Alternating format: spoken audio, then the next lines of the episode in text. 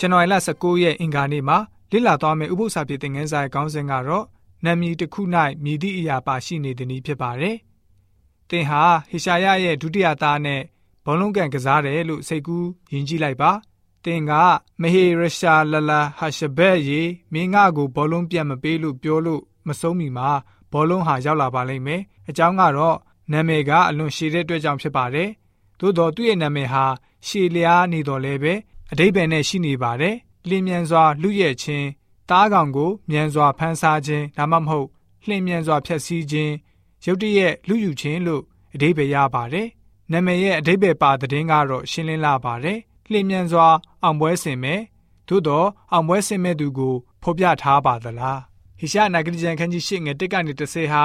ဟိရှာနာဂရိကျန်ခန်းကြီးခုနှစ်ကိုပြန်ပြီးတော့အင်အားဖြည့်ပေးခြင်းဖြစ်ပါတယ်။သူငယ်ဟာတိတက်တဲ့အရွယ်မရောက်မီ ရှုရိနဲ့ဣသေလတိုင်းပြည်တို့ဟာဖျက်ဆီးခံကြရမယ်လို့ပါလာပါတယ်။အာရှုရိကနေတိုက်ခိုက်သိမ်းပိုက်မှာဖြစ်ပါတယ်။အဲ့ဒါထက်ကြီးတဲ့ပြဿနာကတော့ယူဒပြည်ဟာဖျားရှင်ရဲ့သတင်းတော်ကိုညင်းပယ်တဲ့အတွက်ကြောင့်ယေရုရှလင်မြို့အတွင်းမှာညီသက်စွာစစ်ဆင်းလျက်ရှိတဲ့လောင်ချောင်းနဲ့ပုံဆောင်မှုပြုပေးပါတယ်။အင်အားတကူနဲ့လွှမ်းမိုးမဲ့အာရှုရိတိုင်းကိုဥဖရက်မြစ်ကြီးနဲ့ပုံဆောင်ပေးပြန်ပါတယ်။အကြောင်းကတော့အခတ်မင်းဟာ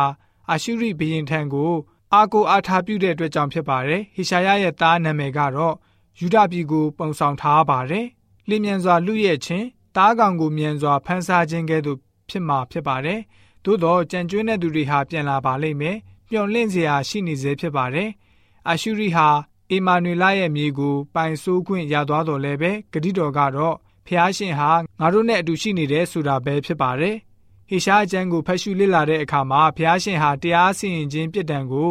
ယူဒနိုင်ငံအပေါ်မှာချမှတ်ပြီးတော့တိုင်းတစ်ပါးသားရဲ့တိုက်ခိုက်သိမ်းပိုက်ပြီးတော့ကျွန်တပေါက်အဖြစ်ဖမ်းသွားစီတော်လဲပဲဖျားရှင်ပေါ်မှာတစ္ဆာရှိတဲ့သူအချို့တွေကိုပြန်လည်ပြီးတော့ခေါ်ဆောင်ကောင်းကြီးပေးမယ်ဆိုတဲ့အကြောင်းပါရှိပါတယ်။ဟေရှာယဟာတားရဲ့နာမည်နဲ့ဇနီးပြောဖက်မှအကြောင်းကိုဘာကြောင့်တရားဝင်မတန်းပြုပေးခဲ့တာလဲ။ဟေရှာယနဂရိကျန်ခန်းကြီး၈ငယ်၁ကနေ၃ကိုဖတ်ပါမယ်။ တဖန်ထာဝရဘုရားကတင်သည်ကြည်သောကြောက်တင်မုံကိုယူပြီးလင်အတော်လူရဲ့မြင်မြင်ဖြစ်လောဟုဆိုလိုသောမဟေရရှလလဟရှဘက်ဟုသောအခရာစလုံးကိုလူဘာသာအားဖြင့်ရေးထားလောဟုငါအာမိန်တော်မူ၏ထိုအခါတသက်ခံစေခြင်းအလို့ငါယုံကြည်လောက်သောတတ်သည်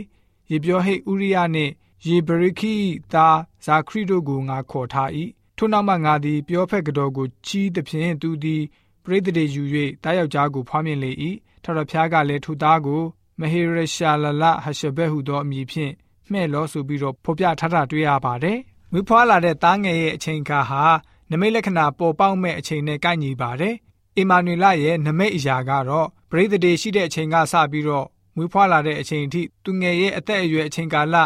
မတိတက်မီမှာရှုရီနဲ့ဣတေလတိုင်းပြည်တို့ရဲ့တိုက်ခိုက်ဖျက်ဆီးခံရမှာဖြစ်ပါတယ်။ဟေရှာယဟာ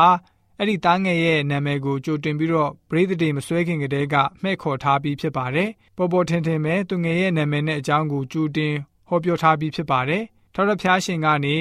တမိုးထားပြီးတော့သတိပေးခံရတဲ့သူတွေဟာဖျားရှင်ရဲ့သတိပေးသတင်းစကားကိုလစ်လူရှုထားသည့်တိုင်အောင်ဖျားရှင်ဆိုလို့ရှိရင်ဆက်လက်ကဲတင်လိုသေးတာကိုတွေ့ရပါတယ်။ကျွန်တော်တို့ယဉ်ကျေးသူများအနေနဲ့လည်းပဲဖျားရှင်ဟာဆိုလို့ရှိရင်ကျွန်တော်တို့အမြဲတမ်းကြည့်ဆိုင်နေပါတယ် အထူးသဖြင့်ကျွန်တော်တို့ယဉ်ကျေးသူများအနေနဲ့ဝိညာဉ်ရေးရှာမှာကြာဆုံးခဲ့မယ်ဆိုလို့ရှိရင်စစ်မှန်တဲ့နောင်နာနဲ့ပြန်လည်ပြုပြင်ပြီးတော့ဖျားရှင်ဘက်ကိုပြန်လှည့်လာကြတဲ့ယုံကြည်သူတွေဖြစ်စေဖို့အတွက်အင်္ဂါနေ့ဥပုသ္စာပြေသင်ခန်းစာကဖော်ပြအားပေးထားပါတယ်။